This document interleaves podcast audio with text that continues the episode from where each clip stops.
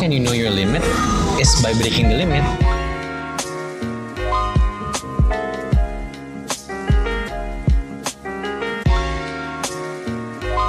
So instilled to my mind that fear is a bad thing. I guess it's just upbringing. Biasanya tuh ketakutan datang dari ketidaktahuan. Okay, so hi guys, uh, welcome back to Other Sets of Mind. Today is episode 06. Udah lama banget, gila ini udah terakhir upload kira-kira udah mungkin dua bulanan lalu. Sorry banget udah lama nggak upload, tapi karena pas dua bulan kemarin tuh gue sempat summer break, sempat liburan, jadi banyak hal baru yang gue coba, banyak hal baru yang gue ke expose diri gue terhadap hal baru itu. Jadi gue banyak belajar banget lah selama liburan ini karena gue ikut banyak acara dan berpartisipasi dalam banyak banget hal. Jadi I feel like I'm learning a lot of stuff that I'm excited to share with you guys as well. But as for now, sorry banget karena absen udah lama banget. So hopefully this episode can make it up for you guys. Jadi in this episode, episode 06, kita bakal ngomongin soal emotional navigation and facing fears. And today, gue udah kedatangan seseorang yang I look up to very much. Uh, I'm very grateful that orang ini bisa hadir bersama kita untuk podcast episode yang kali ini. Semoga kalian bisa belajar banyak banget dari dia. Seberapa banyak gue belajar dari dia. She's been really nice to me. She has seen me grow uh, for like my time in uni. So maybe without further ado, would you mind to introduce yourself maybe to the audience here? Okay, hi. Um, I'm Margaret. So um, I'm actually um, dua angkatan di atas dulu ya. So I'm uh, from 2000, uh, I tried 2015. Currently, I just got out from uni, just finished the thesis defense, and currently I'm working now. So. So yeah, I think maybe can you tell about more on how we got connected, probably so how I came up to know you and like how we, I think that's an interesting story as well because So pertama kali kenal Rama itu ya waktu dia orientation week dari 3L. So I was one of the committee dan waktu itu ada ceritanya kita mesti milih beberapa orang untuk jadi representative of the cohort, right? Yeah, yeah. Dan Rama was one of them. He got rejected. yeah, true rejection. And then, um, but after that we have kayak ada lagi kita mesti ngerekrut apa waktu itu ya? Representative buat Oh, representative. Okay, so it's Rama and the other one. Dan nah, since then, I think kayak we got kayak I like his work and then after that kayak banyak banget organisasi yang kita ended up kerja bareng akhirnya. Yeah. Actually, she's being very humble. Actually, I think at the time during orientation week, she was the vice. You were the vice head, right, of the committee, the whole committee. So she's actually really prestigious in her work.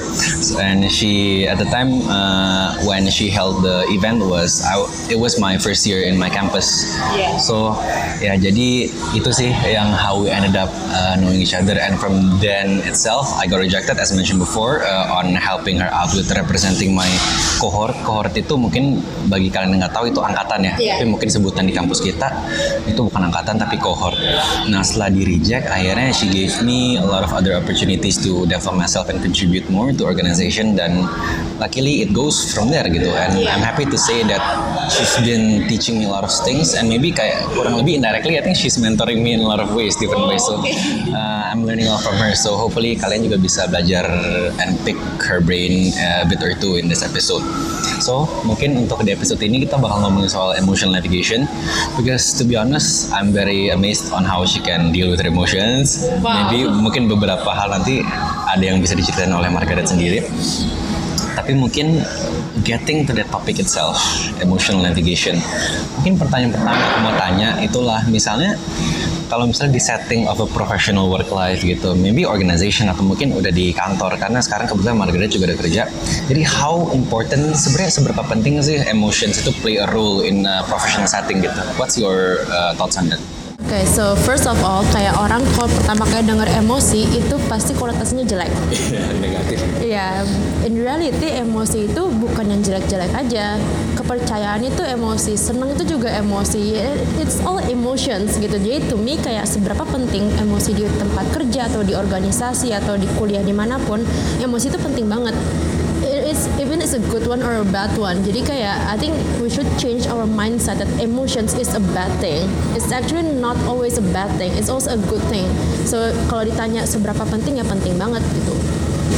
Ya terus sih. Jadi mungkin orang sering berpikiran kalau udah orang tuh menimbulkan stigma gitu lah ibaratnya Iya. kayak udah oh sekali misalnya ngomong emosi itu emosi kayak konotasinya kayak di equalize atau disamakan dengan marah orang marah or something Iya. like that. Tapi actually behind that tuh banyak banget emosi-emosi lain yang menimbulkan rasa kebahagiaan gitu. I mean kebahagiaan itself it might be an emotion or feeling gitu. Iya. So that's actually a really interesting take on that gitu. So as you mentioned, kalau misalnya em- emotions itu sebenarnya penting in terms of maybe kerja or professional setting atau enggak mungkin juga dalam kehidupan sehari-hari gitu. So touching to our topic on emotional navigation, that term itself, emotional navigation, what do you think does it mean gitu? Kayak menurut Margaret kayak itu artinya apa sih emotional navigation? To me kayak emotional navigation is more on balancing your good and bad emotions. I mean kayak lu nggak nggak akan pernah ada manusia yang setiap saat bagus terus emosinya atau jelek terus. And I think kayak how to navigate that is how to balance those two things gitu loh, the good and the bad side of emotions. Uh, bener banget sih karena kalau misalnya if it's my own words, I think Yeah. I've tried to give my thoughts on this sih. Sebenarnya kurang lebih mirip dengan my definition of detachment. Because I think two episodes back, episode 04 tuh I've talked about this detachment. I think kurang lebih prinsipnya sama sih uh, for myself uh, in terms of emotions. Uh, I mean emotional navigation. It's about how we can place and direct our emotions where we wanted to be and how we wanted to be and to whom we wanted to be. But I think in that spectrum juga memang it's either good or bad gitu sih. It's about balancing on when to have good emotions and how to minimize the bad emotions as much as possible. I mean like how to not put bad emotions where it needs to be in a good setting gitu sih. I think it plays a huge role. Maybe your add-ons to that? Ya, I think it's completely right. Dan sel- nggak selalu yang katanya bad emotions, entah itu kesel, marah dan selain itu dan apa sih ya gitu. Itu nggak selamanya itu jelek. Kadang there's always one point that marah itu perlu. Kayak yang namanya takut tuh perlu, yang namanya apa namanya kesel tuh perlu gitu. It's just how we manage those nggak berkepanjangan lu marah terus-terusan. I think yeah that's what I would say about it. Iya ya sama kalau misalnya ngomongin soal bad emotions nih yang tadi kita udah sempat eh, ngomongin yang Margaret sempat bilang kayak misalnya marah, misalnya kesel or something like that. Itu in your opinion kayak is it actually good or bad gitu? Kan kan itu perlu, tapi sebenarnya bagus nggak sih? berkepanjangan nggak? I mean, kalau lu terus-terusan, ya, I think kayak I read this very good article sebab jadi kayak mereka tuh kayak ngajabarin kayak there are eight top emotions in the workplace. Dan itu um, dari top 4 itu imbang ada dua yang jelek ada yang dua yang bagus gitu. Yang jelek itu adalah fear and surprise jadi takut dan ya takut dan terkejut. Terkejut itu ya bisa jelek bisa bagus ya tapi di, di artikel itu contoh-contohnya itu yang kurang bagus. Kayak misalnya kaget tiba-tiba ada accident atau kaget tiba-tiba ada sesuatu yang nggak terduga gitu unforeseen circumstances kayak gitu. Jadi kayak um, kalau misalnya yang jelek itu mesti apa ya what's your question? Second tadi yang pertama? Uh, is having bad emotions Uh-uh. Oh, oh, good or bad ya. Jadi kalau answering that again kalau ber- kalau misalnya it's good you have fears, you know. Even though I grew up being taught fear is a very very bad thing, tapi intinya adalah kayak rasa takut itu humanize you gitu. Lu jadi nggak all over the clouds. Iya, you're not all over the clouds. Everything will be fine. It's not the case kayak gitu. Jadi kayak I think it's good or bad. It's good if you have it on the moment, tapi kalau berkepanjangan, no, it's not a good thing. Depends on the timeline and scale Yes. juga sih ya. Yes. Tapi I was really shocked when I heard that uh, the two things you said that about the bad emotions were fear and surprise. Because actually, in my personal opinion, and itu sebenarnya topik kita juga buat hari ini facing fears gitu. Because I've been always fascinated about fears, and for me personally, it's a good thing. So for me, when hearing that it's a bad thing gitu, and maybe uh, uh, due, due to your past experience as well, when people tell you that fear is bad gitu, maybe we're, uh, we're gonna talk about it later in the later portion of this podcast.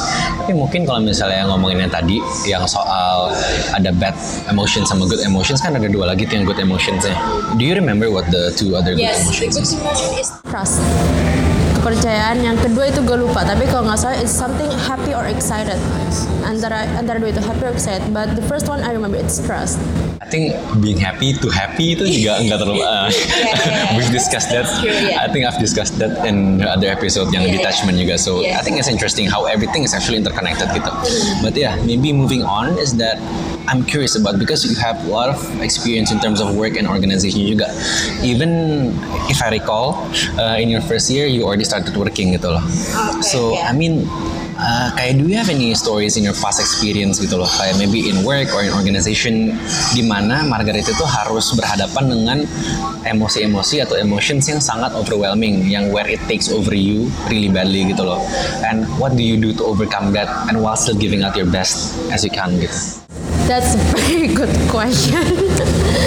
um, a lot actually, but the thing is, um, I think first is I sometimes feel the bad emotions ya, terutama I sometimes feel kayak I should meet everybody's expectations. So kayak I fear that if I don't do it, what would people say? If I people kayak ya it's it's fear ya, berarti ya jatuhnya ya. And uh, I don't know if I know that you will talk later, but I will touch a bit that I grew up being told that fear is a bad thing kayak itu kayak itu yang that's what's instilled in my mind. Fear is a bad thing. Dan kalau lu tanya gimana caranya gue overcome is I learn or I gain knowledge on it as much as I can first. Kalau misalnya misalnya gue takut gue nggak lulus ujian besok gue nggak lulus midterm besok makanya what do I do? Ya, gue belajar supaya gue punya knowledge dan I have confidence that I will pass itu contoh uh, gampangnya tapi kalau misalnya lu misalnya takut sama gelap or takut sama everything that's so abstract takut sama besok gue nggak bakal dapat intern nggak ya? Besok gue bakal dapat kerja nggak ya? Terus atau misalnya besok gue apply organisasi bakal diterima nggak ya? That's something that you cannot control. Dan what I would do is maybe this this sounds cheesy but it's back again to your mindfulness or spirituality. If you have courage if you have faith to go further then I think at the end tuh meskipun itu kayak little steps but without you realizing it you have overcome your fears or those bad emotions in my opinion. Kayak gitu itu kayak yang ibaratnya saying yang kalau misalnya eh, there's a ripple in a river yang kalau misalnya just one drop of water it can it can ripple throughout the river gitu Yes, sih. I think like small step counts lah. Even people say that kalau misalnya a journey of a thousand miles beginning with a single step. So I think that counts as well. Yeah. But what's interesting for me from your answer is that regarding expectations. So actually expectations will not only hurt, probably will not only affect the one that gives the expectation, but will also affect the person that have people expect on them as well. Yeah. Uh, nah, I think I think that was the surprising answer sih for me because I think in my previous episode as well I mentioned that oh expectation will um, too much expectation is not good for people gitu. And kalau misalnya kita terlalu berekspekta- ekspektasi banyak oh takutnya malah kita yang tersakiti gitu. Tapi turns out from your answer tuh ekspektasi itu juga bisa berefek buruk ke orang yang kita taruh ekspektasi pada juga. Mungkin in terms of achievements or something like that. People expect us to achieve this. People expect us to achieve that. Tapi it might deteriorate the person that people put their expectation towards that. So your thoughts on it gimana tuh in terms of emotions and expectation sebenarnya kayak um, at the end I try to turn it into motivations gitu loh. People have expectations that kayak ekspektasi buat gue dan gue harus buktiin. Dan baru aja kayak kemarin ya atau tadi pagi tuh gue baca ada orang bikin captions tuh keren banget sih. Kayak lu nggak bisa ketemu sama semua ekspektasi orang but I think it, balik lagi tergantung kitanya. Kayak kalau misalnya I think that expectation is in line with what you're motivated to do then try to turn it into a positive thing. Even though I perceive it in the beginning as a bad thing tapi in the long run I try to kayak oke orang punya ekspektasi kayak gini berarti dia percaya sama gue gue bisa iya dia percaya sama gue gue bisa ngerjain berarti gue pasti bisa Yeah, yeah, yeah, exactly. So yeah, I think that's the same thought as mine because I think trust plays a huge role, which is actually one of the happy emotions as I mentioned Yeah. before. Uh, I'm like positive emotions as I mentioned before. So I think that's a good take on that. Maybe next that in terms of how you control your emotions gitu, because for me personally emotion is a two-step process gitu. For me personally, so first everything starts with emotions and how you feel about things. Yeah. Setelah emotions baru terjadilah actions gitu. Yeah, so jadi true. itu berbuah dari emotions lalu ke action gitu. Jadi outcome terakhirnya dari emotion itulah action sendiri itu.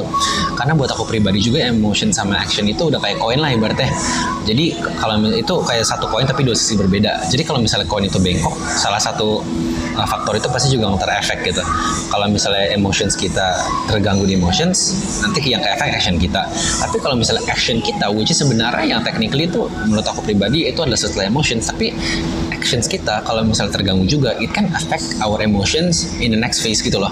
Jadi kayak it's a looping gitu loh. Jadi actions will affect emotions and emotions will affect actions gitu. So in terms of this terminology or like in terms of this mindset on uh, of how we think about emotions and actions gitu. In your opinion kayak gimana sih cara nge-control actions kita ketika emotionsnya itu sedang overwhelming. So how do you control your emotions uh, when it leads to actions gitu? Because I think yang visible kan semuanya kan nanti kan actions. Tapi actually before actions tuh there's something going on with our brain gitu. So how do you face that and how do you deal with that gitu when it's overwhelming? And then there are many times that I also lost it. kayak, Yeah. kayak, I mean kayak in bad emotions sometimes you just lost it and let it go. Tapi kayak I think I try to think, I, I try to think rationally when that happen. Kayak lu marah, kayak lu marah banget. Kayak I need to calm down, I need to calm down. Kayak think through again what we should do. Sebenarnya ini masalahnya gimana, bla bla bla. Then try to take action according what you think is correct karena lu kalau ngambil dari marah-marah lu pasti kan maunya marah-marahin orang itu atau misalnya you udah nggak mau kerjain aja but try to think rational I know it's not an easy thing tapi my trick usually again kayak I try to train my apa ya mindfulness. I think that's the term ya mindfulness ya to you know not being overwhelmed by good emotions or bad emotions too much. That's affecting my actions Se- sebenarnya mindfulness itu that's the keywords in my opinion. And kalau misalnya kita mau touch on mindfulness it's going to be a whole nother Another episode yeah. so maybe kalau misalnya kalian lagi dengerin ini kalian tertarik soal mindfulness let me know in my Instagram DM me. Maybe mungkin kita bakal ngomongin soal mindfulness in the next episode. So tadi kan Margaret sempat nyentuh topik di mana logic uh, where you you need to do what you think is right. So jadi kan kata think itu kan lebih dikorelasikan dengan logic gitu. So when we compare logic and emotions, how far do you think logic is actually important in comparison to emotions? Like which one is more important and like your thoughts on that maybe? Wow. Um, gimana ya kayak since I was young, I was always told that emotion is the most important thing. Dan yes, that's true gitu. Tapi um, especially in you know working setting or organization, something that requires a lot of thinking, especially when involving a lot of people. I think even though yes emotions is important but there's always moments that logic can apa ya plays an, the, the integral role in whatever that you are doing. I don't say that um, oke berarti semuanya ada orang kan yang benar-benar nggak percaya banget sama emotions. Ada orang yang benar-benar harus logika banget harus masuk logika gue baru gue mau gitu. And I think um, that's good tapi tetap menurut gue kalau disuruh milih mana yang lebih important emotions or logics I would choose emotions still Same. Sebenarnya menurut aku pribadi aku juga uh, mikirnya sama where emotions is actually more important. Karena memang human nature juga mikirnya begitu sih kalau menurut aku karena Yeah. begitu.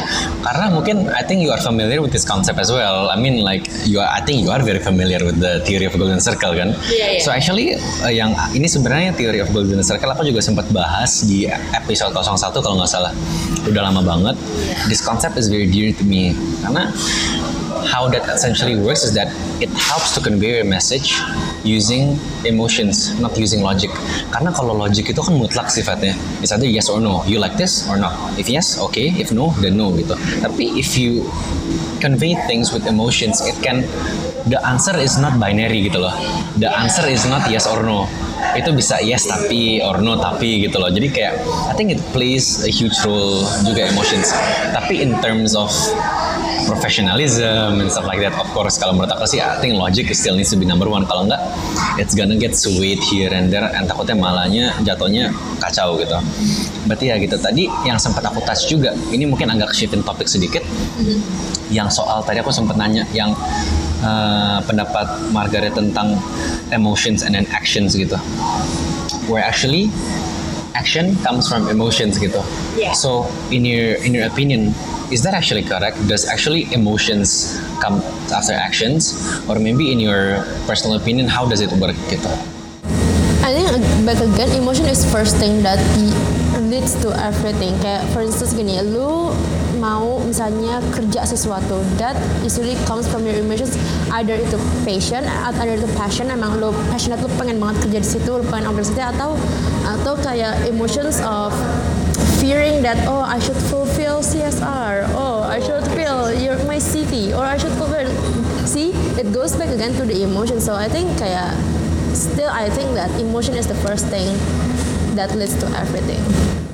So speaking about emotion itu yang being nomor satu, sometimes people are very fascinated on how they can control their emotions. Because people tuh sebenarnya mereka tahu kalau misalnya oh emotions ini it plays a big role in my decision making, in how I approach things. So people tend to actually try to control how they feel, how they uh, feel their emotions will be gitu. I have a thought on this gitu. Actually, maybe some other people also think that sebenarnya people cannot control emotions because it is a first thing gitu loh. Maksudnya it is a stimulus gitu. Misalnya kalau misalnya dicubit toh pasti sakit gitu. Kalau misalnya kita deketin tangan kita ke api pasti panas gitu. Jadi itu kayak satu tambah satu sama dengan dua gitu loh. Tapi what I think is that you cannot control your emotions karena itu direct efeknya tuh langsung because that's the first barrier lah ibaratnya when something happens that's the first thing you feel which is emotion you cannot control emotions tapi you can control your actions gitu So Okay, kayak it's like you can actually you cannot control the emotions, but you can control the actions. Tapi mungkin aku mau give my personal story gitu about this. I think I'm aware kalau misalnya aku udah develop mindset ini. Kalau misalnya aku mencoba sebaik mungkin untuk untuk kayak neutralize everything that people say to me lah gitu, maupun itu good things or bad things. Because I'm a huge uh, fan of kayak being neutral gitu. I think in most of my episode I always kayak speak about and voice out about being neutral because it's the I think it's a safe place lah to be. Karena kalau misalnya kita netral, we don't get caught up by the happiness too much and we do not get caught up by the sadness too much. The reason misalnya kalau misalnya stimulusnya kita ambil nih contohnya negatif nih. Misalnya ada orang ngatain aku gitu. I think as a human, it's natural to feel kok nih orang ngatain gue. It's natural to feel kayak defensive in a sense. Tapi what differentiates uh, the mindset of a good mindset and a bad mindset menurut aku is not about how you can actually not feel offended when someone talks to you. Karena to be honest, semua se- aku udah I know this concept for quite a long time gitu about being neutral, but after having people talk crap to me about myself behind my back or in front of my face, I still need couple of seconds to become neutral gitu loh. Jadi it's Yeah. it's very much humane for people to get offended gitu. Mungkin pertama orang bakal ngomong bad things about me, and then I will, I will be like, kok kok nih orang ngomong gini apa banget sih gitu loh. Kayak pasti first response adalah nggak terima. Karena yang tadi aku bilang, karena I think human is very defensive about themselves gitu loh. Jadi sekali kalau misalnya ada sesuatu yang ofensif, langsung self defense mechanismnya it kicks in gitu. Ya kayak yang tadi aku bilang itu kayak mutlak gitulah. Kayak misal ibaratnya kalau kita kegores pisau kan pasti sakit. Itu hasilnya udah pasti gitu loh. I think that's is how it is about human emotions. Tapi I think what matters is how we can actually become neutral gitu. Because when we after that Nah, and then becoming neutral ini adalah action yang menurut aku. Jadi emotions is that we feel offended, tapi the action is that we still need to become neutral. Jadi jangan kalau misalnya kita feel offended terus kita attack that person or like apa spew some bad things about them juga. Tapi we need to be neutral first, and after being neutral, then we can assess of what we need to do gitu loh. We can analyze things in a very different perspective. Actually, why does this person talk bad about me? Does he actually dislike me? Does he or she actually is sirik ke kita apa dia emang cuma mau ngata-ngatain kita untuk ngejatuhin kita atau sebenarnya mereka ingin konstruktif we don't know gitu so I think thinking in a different perspective on a whole new point of view beda-beda itu I think it's a good action to take kalau misalnya negative emotion kicks in. Karena based on the setting yang tadi aku bilang kalau misalnya we can control our actions but not our emotions gitu. That's my personal story sih. Maybe do you have any stories about this or maybe what's your thoughts on my story maybe if you just read about that? I think what your story what I would say is like emotions can evolve. Yeah Jadi kayak pertama kan yang lebih kayak lu bilang kayak stimulus pertama lu pasti marah lah kalau misalnya ada, ada orang yang ngomongin. Tapi after some time when you start kayak oh ternyata tuh begini loh ternyata begini you can evolve your emotions into being what you said neutral. So in my opinion kayak emotions can be changed but again kayak it goes back to yourself. Like how much you want to control it how much you want to utilize it the positive things or how much you want to keep it. Ada orang kan kayak yang aduh orang ngatain gue dan udah itu aja gitu mindset dia ya orang ngatain gue itu bad thing they don't have they don't have the courage or apa ya kemauan untuk try to turn something kayak yang ngomong itu cuma satu orang loh nggak berarti semua orang ngeliat lu tuh begitu. So I think yeah that's that's think that's what's my take on that That was a good key point as well sih. Sebenarnya aku lupa ngomong itu, tapi untung dibahas yang kalau misalnya ada orang talk negative stuff about people is that we need to analyze it from other people's perspective as well. Chances are kalau misalnya banyak orang yang ngomong yang sama, it is true gitu. So we need to introspect ourselves. We need to like think about it that way and see it the positive way gitu. Tapi ya benar sih. I think regarding the emotions evolve, that's true as well. I think it's about how fast we can react to that in a proper way sih.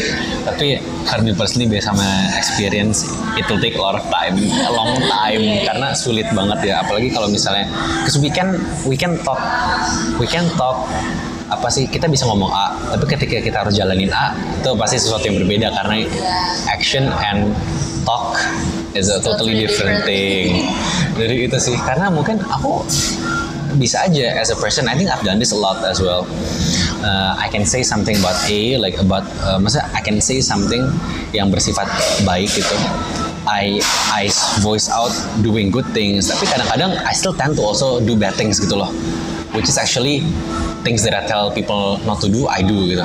I think it's human sih. I think it's part of learning aja but it's just that we need to be aware of uh, our mistakes and still evolve in terms of emotions gitu But my opinion is that it can be like trained over years. Kayak dulu dari kecil gue tuh selalu dikasih tahu and this is very true that gue tuh orangnya gampang banget tersinggung. Kayak orang ngomong dikit aja tuh yang orang lain tuh ah cuma biasa aja gue tuh bisa tersinggung banget gitu. And I know that since kayak I was young kayak gue dikasih tahu kamu tuh orangnya tuh gampang banget tersinggung and then as I get older itu kayak uh, apa ya I know myself more. Jadi kayak it's not it doesn't take that long for me to turn those bad emotions into okay being neutral as you said. So I think kayak kayak if you are willing to train yourself that over time it will be easier in my opinion time is also plays a key ya here karena ya sih I think that's that's the goal ya mungkin probably on how you can control emotions better but of course the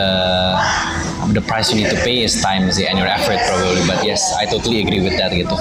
Kita dari tadi udah ngomongin yang bad emotions yang jelek-jelek gitu. Mungkin pertanyaan terakhir in terms of emotional navigation. Dari tadi kita udah ngomongin yang jelek-jelek tapi ketika ini menyentuh yang baik-baik maybe I mean like of course you you have some great achievements lah gitu in your in your life gitu. Tapi how do you deal with achieving these great achievements? Karena sometimes tadi kita udah ngomongin on how we deal with getting overwhelmed by bad emotions, getting overwhelmed by apa sih hal-hal yang sulit untuk dihandle. Tapi gimana ketika kita di overwhelmed dengan sesuatu yang bahagia, which is actually the good emotions tadi mungkin happiness or trust gitu. How do you deal with that gitu? Apakah you let it flow and get overwhelmed in the moment, just enjoy the moment, atau do you still want to keep it neutral? So what's your take on having good emotions? I think kayak our first impulse or first reactions as you or in your words itu kayak kalau kita dapat good emotion kita dipercayain misalnya atau kita achieve something pasti pastilah lu nggak mungkin kayak biasa-biasa aja something aja that feels okay so this is the reward that I have after long hard work atau kayak oh ternyata orang tuh percaya sama gue oh, oh ternyata gue bisa yang ngerjain ini. Tapi to me kayak in my opinion I do not let that juga untuk take over me. Kayak oh berarti gue udah achieve everything. Karena kayak especially kalau misalnya lu coba keluar dari zona nyaman lu nyoba hal yang baru lu bakal sadar apa yang lu achieve tuh nothing gitu loh. Di luar sana tuh masih banyak lagi yang apa namanya yang jauh lebih gede daripada yang lu udah pernah. Gue suka sama quote ini sih kayak di atas langit ini masih ada langit lain. Dan I always say I always hold to that. Jadi kayak setiap kali gue achieve something oke okay, I celebrate it maybe kayak for a while. Dan after that I remember gue mulai dari nol lagi. Kayak gue mulai di adventure yang baru lagi. Mungkin fieldsnya sama atau mungkin sama-sama organisasi misalnya atau posisi yang sama. Tapi every different places has different stories to me. Jadi kayak that's how my take on good emotions I think that's similar on how I will take uh, give my take as well sih. I think being in the moment and being in that happy moment is good, but not but having the uh, apa sih awareness on not to get devoured and not to get eaten up by that happy moment is the crucial thing sih. Because I think we need to feel happy lah. I think kan it's a good thing gitu kan. Jadi kayak masa kita happy kita avoid kan it's, it's, it's not good gitu sih. dan yang paling penting sih itu kan kita ngomongin emotions ke diri kita ya tapi kayak yang menurut gue juga paling penting adalah memberikan emotion itu ke orang lain terutama untuk yang good things ya kayak kalau lu percaya sama orang yang kerja sama lu lu kasih dia rewards lu kasih dia pujian atau ngasih sesuatu yang lu tahu orang itu bakal senang that will strengthen relationships on everything. Mungkin kalau misalnya in terms of orang-orang lain itu juga on how we can express and properly target love languages sih. Karena kan beda tuh orang-orang ada yang suka dipuji ada yang suka dikasih ada yang suka wak- ada yang suka dikasih waktu. So maybe pinter-pinternya kita aja gimana tahu sifat-sifat mereka sih.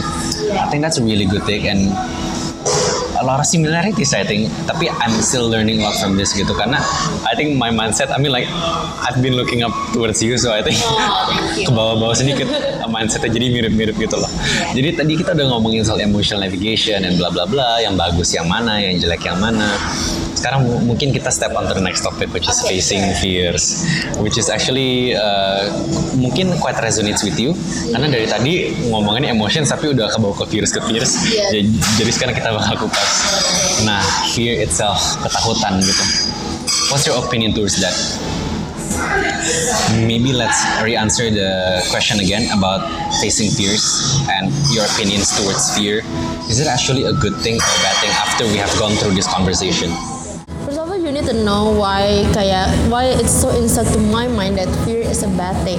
Jadi sampai gue udah gede pun, kalau gue berani bilang gue takut sesuatu di rumah, mereka bakal marah-marahin gue. I mean like it happened like literally kayak setahun yang kayak kayak tahun lalu deh. Jadi waktu itu gue bener I usually never kayak advocate my peers karena gue tau gue bakal dimarahin. Tapi kayak waktu itu kayak saking takutnya kayak I cry terus kayak bener-bener udah ketakutan banget and the reaction is not comforting. It's not like it's going to be okay. Tapi gue dimarahin, bener-bener dimarahin, sedih marah-marahin ya. Kayak ngapain kamu takut begini? Ngapain kamu takut itu? That's why so it's so instilled to my mind that fear is a bad thing. I guess it's just upbringing. Tapi you ask me kayak eh, except fear of God. Kalau fear of God, that's you should have. Tapi fears of everything else, it's a bad thing. Itu kenapa kayak oh apa namanya takut tuh jelek menurut gue tuh selalu kayak di otak gue selalu kayak gitu. Tapi sometimes fear humanize me too. Even though it's a bad thing in my mind, tapi kadang kayak kalau gue terlalu berani, gue terlalu ngambil semuanya apa aja without really thinking of what's the consequences, it would be also a bad thing. Eh, It, it would be also a good thing for you to control yourself.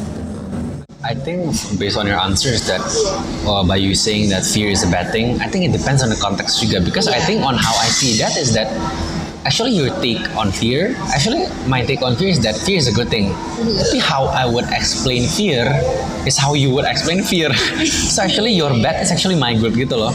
M- mungkin mungkin ceritanya sama tapi mungkin cara pola pikirnya beda aja. Oke. Jadi karena for me personally kayak emang bener sebenarnya nggak ada yang perlu ditakutin gitu loh karena kita harus gimana cara kita berkembang kalau kita nggak mau apa yang kita takuti karena kalau misalnya kita do the same monotonous thing hal-hal yang sama kita kerjakan terus ya kita nggak akan berkembang karena kita akan stay di situ aja. Kalau misalnya kita nggak coba ngelakuin apa yang kita uh, takuti yang kita fear kalau misalnya kita fear of something and then kita tetap takut dan kita nggak mau ngelawan ketakutan itu ya kita nggak akan ke mana-mana kita stay di situ. And eh, makanya aku bilang fear itu tuh sesuatu yang bagus.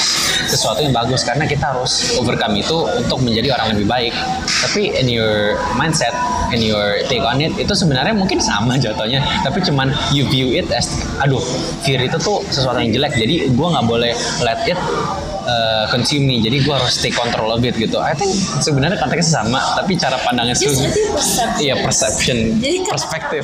karena gue bener-bener diajarnya begitu itu aja. Tapi sebenarnya I under, I agree with you on atau I understand why it, you said it's a good thing. Karena biasanya itu ketakutan datang dari ketidaktahuan lu takut misalnya apa ya takut gak naik kelas karena lu nggak tahu lu bakal dinaikin atau enggak lu takut misalnya um, apply for internship karena lu nggak tahu lu bakal diterima atau enggak gitu kan. It's all comes back dengan ketidaktahuan gitu. So I think kayak it's also on your take it's good for having fears because it expands your apa ya um, your motivations lah to know a lot of things. So it's not it's not overwhelming you It's very interesting sih yang on your take on that fear is actually due to the unknown gitu. I think that's really logical juga sih and it's really good take on that gitu. So with your answer just now, perspective that fear is actually bad and people should not fear of anything so that they can uh, become a better person mungkin ya. So will you encourage other people to face their fears gitu? Oh, absolutely. I think if it's like a good thing or bad thing, if you take on fears, it's it's something that you should face. mau udah bagus atau jelek ya ujung-ujungnya ya lu harus hadapin lah fear itu kan ya mutlak sih jatuhnya karena yeah. kayak you don't have a choice gitu kan yeah, yeah. tapi actually they do have a choice sih tapi ya udah at last mungkin when, do when they do have a choice it's like they might choose to stay how they are at the moment atau they choose to face the fear feel really scared for a couple of times for that specific time frame tapi afterwards they will feel happy. Because I think the feeling of happiness after you overcome your fear is very very satisfying. Karena aku juga mungkin sempat ngobrol sama Margaret yang soal I would rather suffer in the beginning for a long period of time quite an amount of time daripada suffer the whole of my life gitu. I think that's the take on that as well sih. Karena kalau misalnya aku suffer di awal-awal, aku face my fears sekarang, mungkin in the long run setelah aku bisa berhasil face my fears, itu akan membawa aku ke suatu tempat yang very satisfying. Tapi kalau aku nggak face my fear, mungkin aku bakal struggle dan aku bakal regret of not facing that fear my whole life gitu. Because chances might not come uh, berkali-kali kan. Yeah. Maybe what's your take take on that gitu? I think um, on your last part chances nggak datang berkali-kali. So um, I think kayak itu salah satu yang motivates me to overcome fears sih kayak meskipun lu takut ngambilnya it's always kayak a new thing always scares you. Jadi kayak menurut gue ya gue mikir kayak yang lu bilang kesempatan tuh gak datang berkali-kali. Kayak kalau orang bisa percayain untuk ngelakuin ini kenapa lu nggak coba gitu. And I think again kayak gue sempat ngomongin tadi sebelumnya sih kayak gain knowledge as much as you can. Kayak I think knowledge kayak comforts you juga or seek advice or kayak cari apa ya sesuatu yang bisa bikin lu percaya kalau lu bisa ngelakuin itu gitu surroundings basically. I think it plays a big role juga in terms of achieving your goals and karena let's say kalau misalnya we have a good surroundings and then we fail tapi our surroundings will to be the one that picks up us and lift us up again gitu. Karena kalau misalnya kita if we go alone and kita jatuh nggak ada yang akan bisa selamatin kita. Tapi kalau kita pergi bareng-bareng pasti kalau misalnya kita jatuh pasti mungkin ada orang yang bisa mengangkat kita gitu kan. Maybe what's your thoughts on that? Do you agree or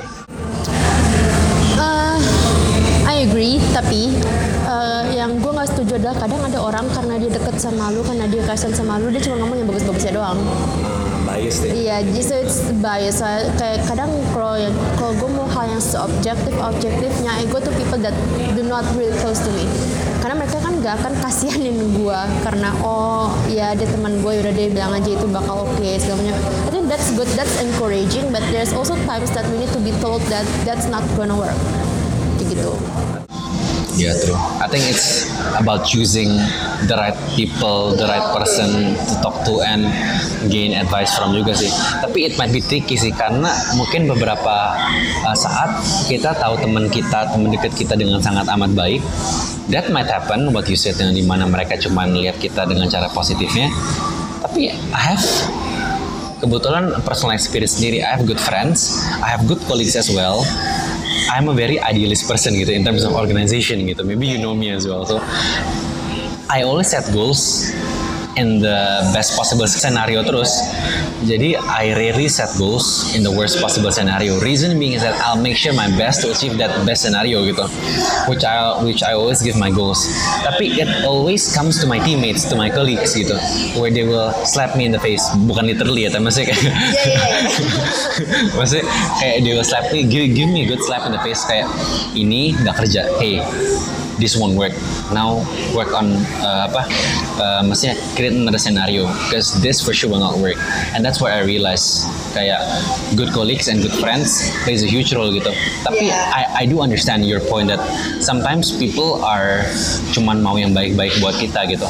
But I think sometimes itu malah sebenarnya bukan teman yang harusnya ya I think that's not the type of good friend sih sebenarnya. Itu mungkin aja eh, sebenarnya tujuannya buat ngejatuhin kita karena dia tahu itu nggak akan sebenarnya eh, end up-nya baik dan lalu dia tetap ngomong gitu untuk ngejatuhin kita or something reason or some reason like that we don't know gitu. But yeah I think ini agak melenceng sedikit. Iya, so maybe iya, iya. kita bisa lanjut ngomongin facing fear sih. Oke. what's really interesting for me is that you said that you would encourage people to uh, face their fears gitu. Tapi what we see outside that actually mostly banyakkan orang itu di luar sana mereka masih tetap nggak mau face the fears. Mungkin alasan nomor satu adalah karena mereka nyaman di comfort zone, walaupun mereka tahu high risk high reward, tapi mereka tetap satisfied aja dengan reward yang biasa-biasa aja as long as they are happy and comfortable gitu tapi other extreme cases mungkin yang jarang orang perhatikan dari sudut pandang ini adalah orang tuh kadang-kadang suka nggak mau face their fears.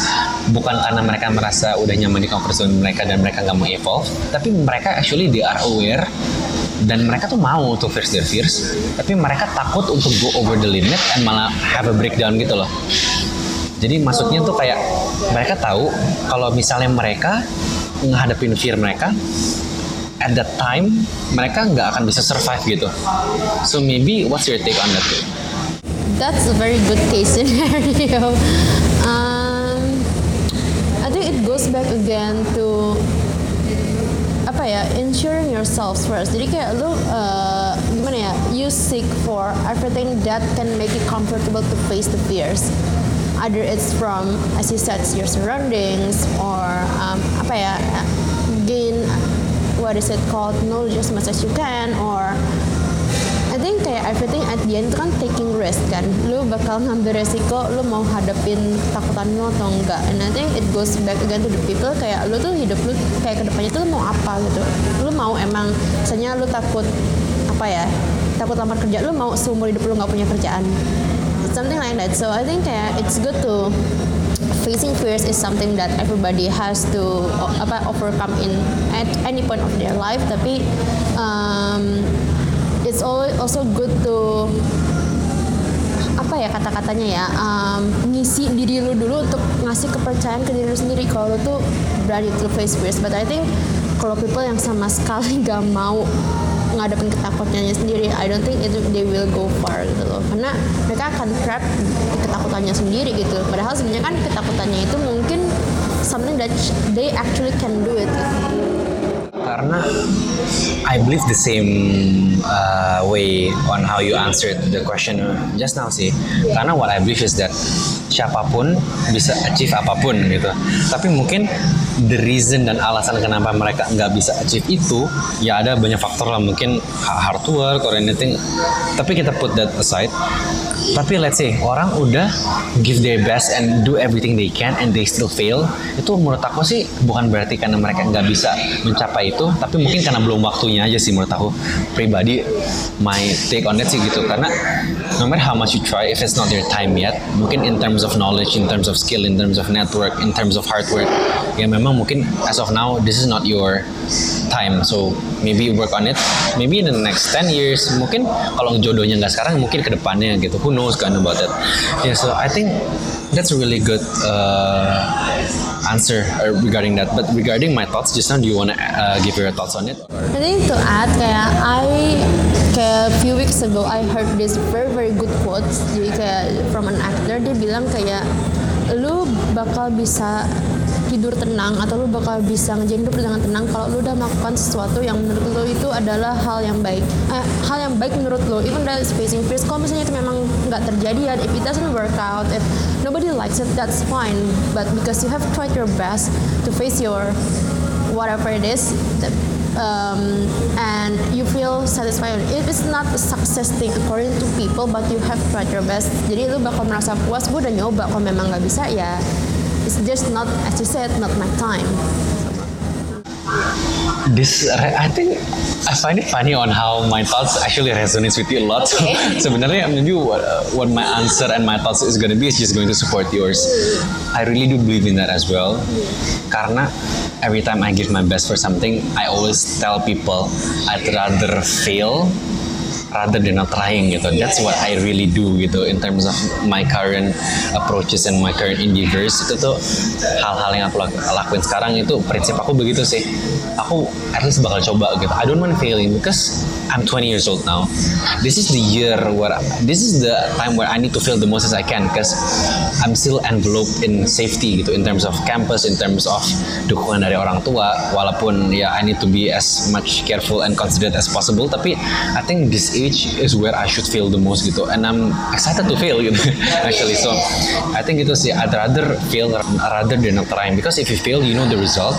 Oh, gue gagal nih. Gue gagalnya di mana, salah gue di mana, gue perbaikin. exactly. Kalau misalnya kita nggak coba, ya kita nggak tahu salah kita di mana dan kita akan terus regret, regret. Oh, gue bisa nggak ya, gue bisa nggak ya? Pasti mungkin gitu sih. Kalau gue lucunya itu jadi kayak gue penasaran sama diri gue sendiri sih. Jadi karena biar gue puas, gue nggak penasaran lagi. Udah deh kerjain aja. Iya, kayak Iya sih, it's, it's, it's, it's that self questioning juga sih jadinya. Tapi mungkin kita kan kan kita udah uh, sempat ngomongin kalau misal oh we uh, we agree that maybe um, encouraging people to face their fears is a good thing gitu. Tapi in your own way, how would you encourage people to actually face their fears? How do you help and share your thoughts to people when they want to face their fears? What do you tell them?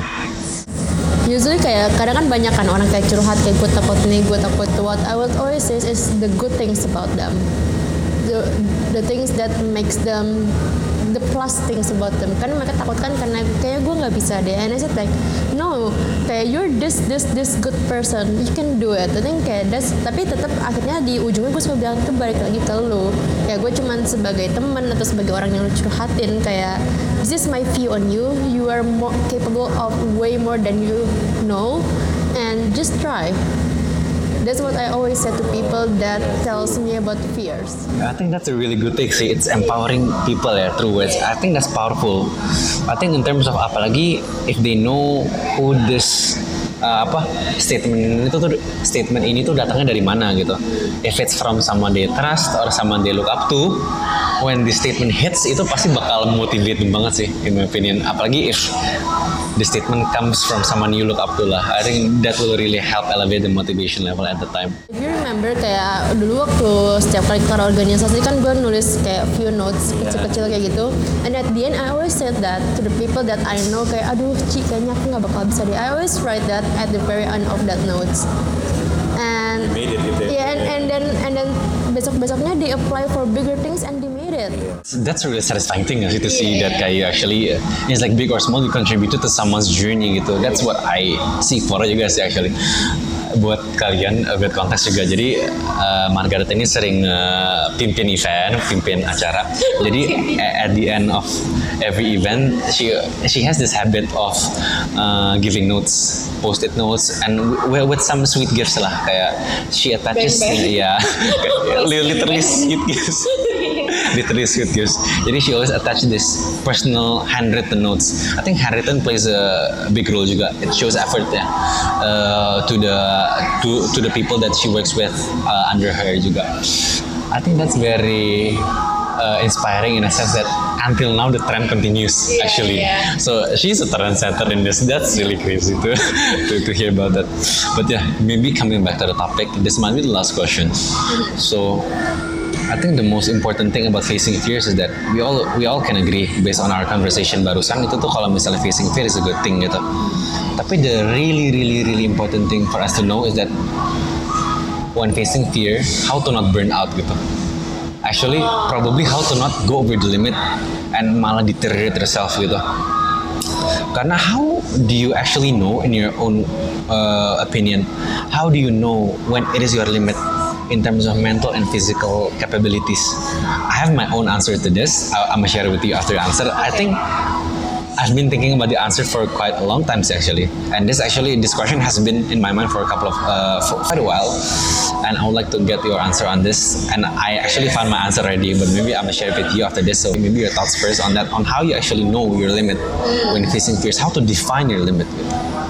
Mentally and physically. You know, again kayak waktu itu gue pernah kayak, I mean dari tahun-tahun lama banget sih orang selalu bilang gila lumar, you will one day will burn out, you one day bakal capek sendiri bla bla bla. And there's one person that say, I think kayak I posted on Instagram story waktu itu kayak quote-nya itu, ntar kayaknya I'll read it deh. sure. Take your time. A reminder to everyone that your best doesn't mean pushing yourself to your breaking point. Your best means the best you can do while being the best you. Get enough sleep, give yourself breaks, listen to your limits. Your best is better when you're happy and healthy. And since then, I always set that's my limit. If I don't feel happy, if I don't feel kayak satisfied or kayak gue kerja get very hard work and I don't feel happy with myself, that's first, and I don't feel like I'm passionate about this anymore, that's my limit. That is really interesting. The reason is, I think uh, you uh, you mentioned that, that I commented on this. I, I actually agree with this. I think maybe I want to share my answer on how to uh, about about this question, because I mean like I experienced like breakdowns and stuff like that. And what, uh, in conclusion, is on how I see this is that this question on how to answer how to know your limit is by going over the limit actually. So that's my take on it. Actually, is by breaking yourself down to pieces. Bukan, maksudnya bukan sampai bener-bener separah itu sih, tapi maksudnya how can you know your limit is by breaking the limit. Because when you break the limit, it's either you know where you're at, where your max at, uh, where, where, your maximum point is at. Jadi you will not bother stepping into that area again because if you step into that area, you know that you're gonna uh, it's going to have negative effects. Atau nggak mungkin positifnya adalah apabila kita tahu limit kita di mana, kita tahu oh jadi sekarang limit kita di sini nih. Jadi kalau kita mau break lagi, mungkin limit kita lebih jauh dari limit yang dulu lagi. So it's either going, it's either a threshold for us to not. So it's it's, it's, it's like ibaratnya it's the new comfort zone gitu. It's either kalau misalnya kita mau lebih jago lagi ya udah break the limit lagi. Tapi kalau misalnya kita mau main aman dan kita tahu limit kita as of di mana due to many considerations ya. Mungkin if you wanna perform optimally and stuff like that ya we need to stay within the limits. Ya kita tahu limit kita di mana dan kita nggak boleh break uh, that limit gitu. Kalau misalnya kita nggak mau karena kalau misalnya kita break the limit kan pasti kan hal-hal yang negatif yang bakal terjadi ke kita gitu. Physically mentally. Itu akan membuat kita lebih less produktif mungkin mungkin bisa sakit juga kan. Tapi that acts as a threshold gitu loh. So how do we know that? For me personally is by going over the limit. Tapi most of the time it happens accidentally. Jadi emang karena mungkin kita kebiasaan kerja terlalu hardcore terlalu berat ends up is that oh when we found out that we messed up yo pas kita udah messed up gitu and we learn from that sih maybe what's your take on that That person said me when I experienced breakdown. Kayak I was like, aduh, I don't want to do anything else anymore. Well, it's actually waktu itu it was in the middle of thesis. Kayak lu nggak mungkin give up di tengah-tengah thesis. Kayak I don't want to pay another 8 millions or whatever just to extend gitu kan. And I think kayak tapi setelah kejadian itu and after I read this, now I know where I can break my limit in your words gitu. Break my limits without being negative towards myself. Jadi kayak um, it's very hard to explain it words, but kayak kayak your body, your feeling knows gitu loh. Kayak oh this is where I have break, I have broken my limits. And then if I go further, nah itu itu balik lagi gue lihat if I go further, does it still resonate with my mission or vision? Does it real, apakah masih ada sesuatu yang bisa gue ambil kalau gue terus berjalan jauh, or should take another directions? Gitu. itu jadi kayak ibaratnya tuh kayak breaking the limits without breaking the limits ya jadi I think that's really interesting take on it sih. True true true. I think people can actually apply that gitu. Because for me personally I need to experience that but I think for your case it's how you actually make a clever guess lah on your limits. So how you know your I think it's back to knowing yourself sih actually. On how we know ourselves how much to an extent do we know ourselves kalau misalnya kita tahu diri kita sangat baik, maybe we can apply this method, your method where you can break the limit without breaking the limit. Gitu. I think that's a really good one. Jadi kayak ya, I think that's a really fresh take on it sih, compared to my take where you need to go through the limit and kayak bounce back after that and stay within the limit and stuff like that. Mean kayak before experience what you said gitu breaking the limit sampai lu bener-bener udah nggak bisa ngapa-ngapain lagi and then boom achievements happen kayak lu merasa oh berarti gue udah break my limit I think tapi sebenarnya mungkin is proses juga sih jatuhnya. Karena mungkin at first as you mentioned we we know ourselves better and how do we know ourselves better is by breaking the limit. Jadi after you break the limit accidentally what happens next is that you cleverly guess on that. So now after you break your limit you know where's your limit and after that you can use the threshold to cleverly guess Yeah. to not break the limit. So it's like essentially that not breaking the limit uh, apa breaking the limit by not breaking the limit. So I mean that, that's a twist of word. That's weird, weird but I, I like the sound of it but yeah. I think that's really uh, interesting. So I think it's back to process again see on how far we've gone through. I think the process is still see time and effort see on how we can do that. But yeah maybe my last thought regarding this is maybe your surroundings and how people can pick you up maybe. Karena kalau misalnya kita udah break the limit yang kayak tadi sih uh, yang tadi aku sempat bilang if we break our limit hopefully I think it's going to be good if there's people around us that can lift us up gitu. Although finding those people is actually very hard. Finding the right people is actually very hard. But I think that's a very good long-term investment sih. I think Yeah. the same. Do you have any addition? Yeah, I think um, I wouldn't encourage like so one person kalau misalnya gue tau dia ada break limit sampai dia sakit segala macam. I don't think also that's for everybody. Tapi I would say that don't be afraid to go out from your comfort zone karena you will find a lot of interesting things outside. I think that's a perfect closing actually because we're done gitu and now uh, as you said that it was a really good closing. But yeah I think that is it for this podcast. Uh, we've covered all that I plan to cover. Thank you very much for your time and spreading your knowledge on this uh, your experience and your just two cents on emotional navigation and facing fears it's been really great uh, having this talk with you. Thank maybe it's a pleasure to have you here. So, uh, do you have any last thoughts maybe before we end this? I think again karena ini it's something that's so abstract. It's not like one plus one equals two. I think kayak even our thoughts here may not be what you agree with for the ones who listen, but I think what we all can relate is that emotions and fears are attached to all of us. The best thing you can do is just embrace it. Jangan jangan takut jangan takut kayak karena lu ada yang bagus ada yang jelek atau people said things it and that limits you on doing something. Yeah, thank you, Bang, for the thoughts. For sure, I learned a lot from this episode. So I hope you guys who are listening this will learn a lot as well, maybe as much as I learned today. So thank you very much once again for your time, for sharing, for experiences, your knowledge here. It's been really great having you here. So hopefully, uh, so guys, uh, if you guys are interested to find more about Margaret, maybe I can share her Instagram on the description of this podcast. So maybe you can check her out. Maybe if they want to DM you, maybe maybe sure. feel free. Maybe I'm sure that you can learn a lot from her as well. So I'll make sure to leave her contacts uh, in the description box. So if you wanna learn more about her, feel free to do so. So thank you so much once again, uh, Margaret, for your time, and thank you so much, guys, for listening. Hope you guys learned a lot uh, in this episode, and see you in the next episode. Stay driven and spread positivity.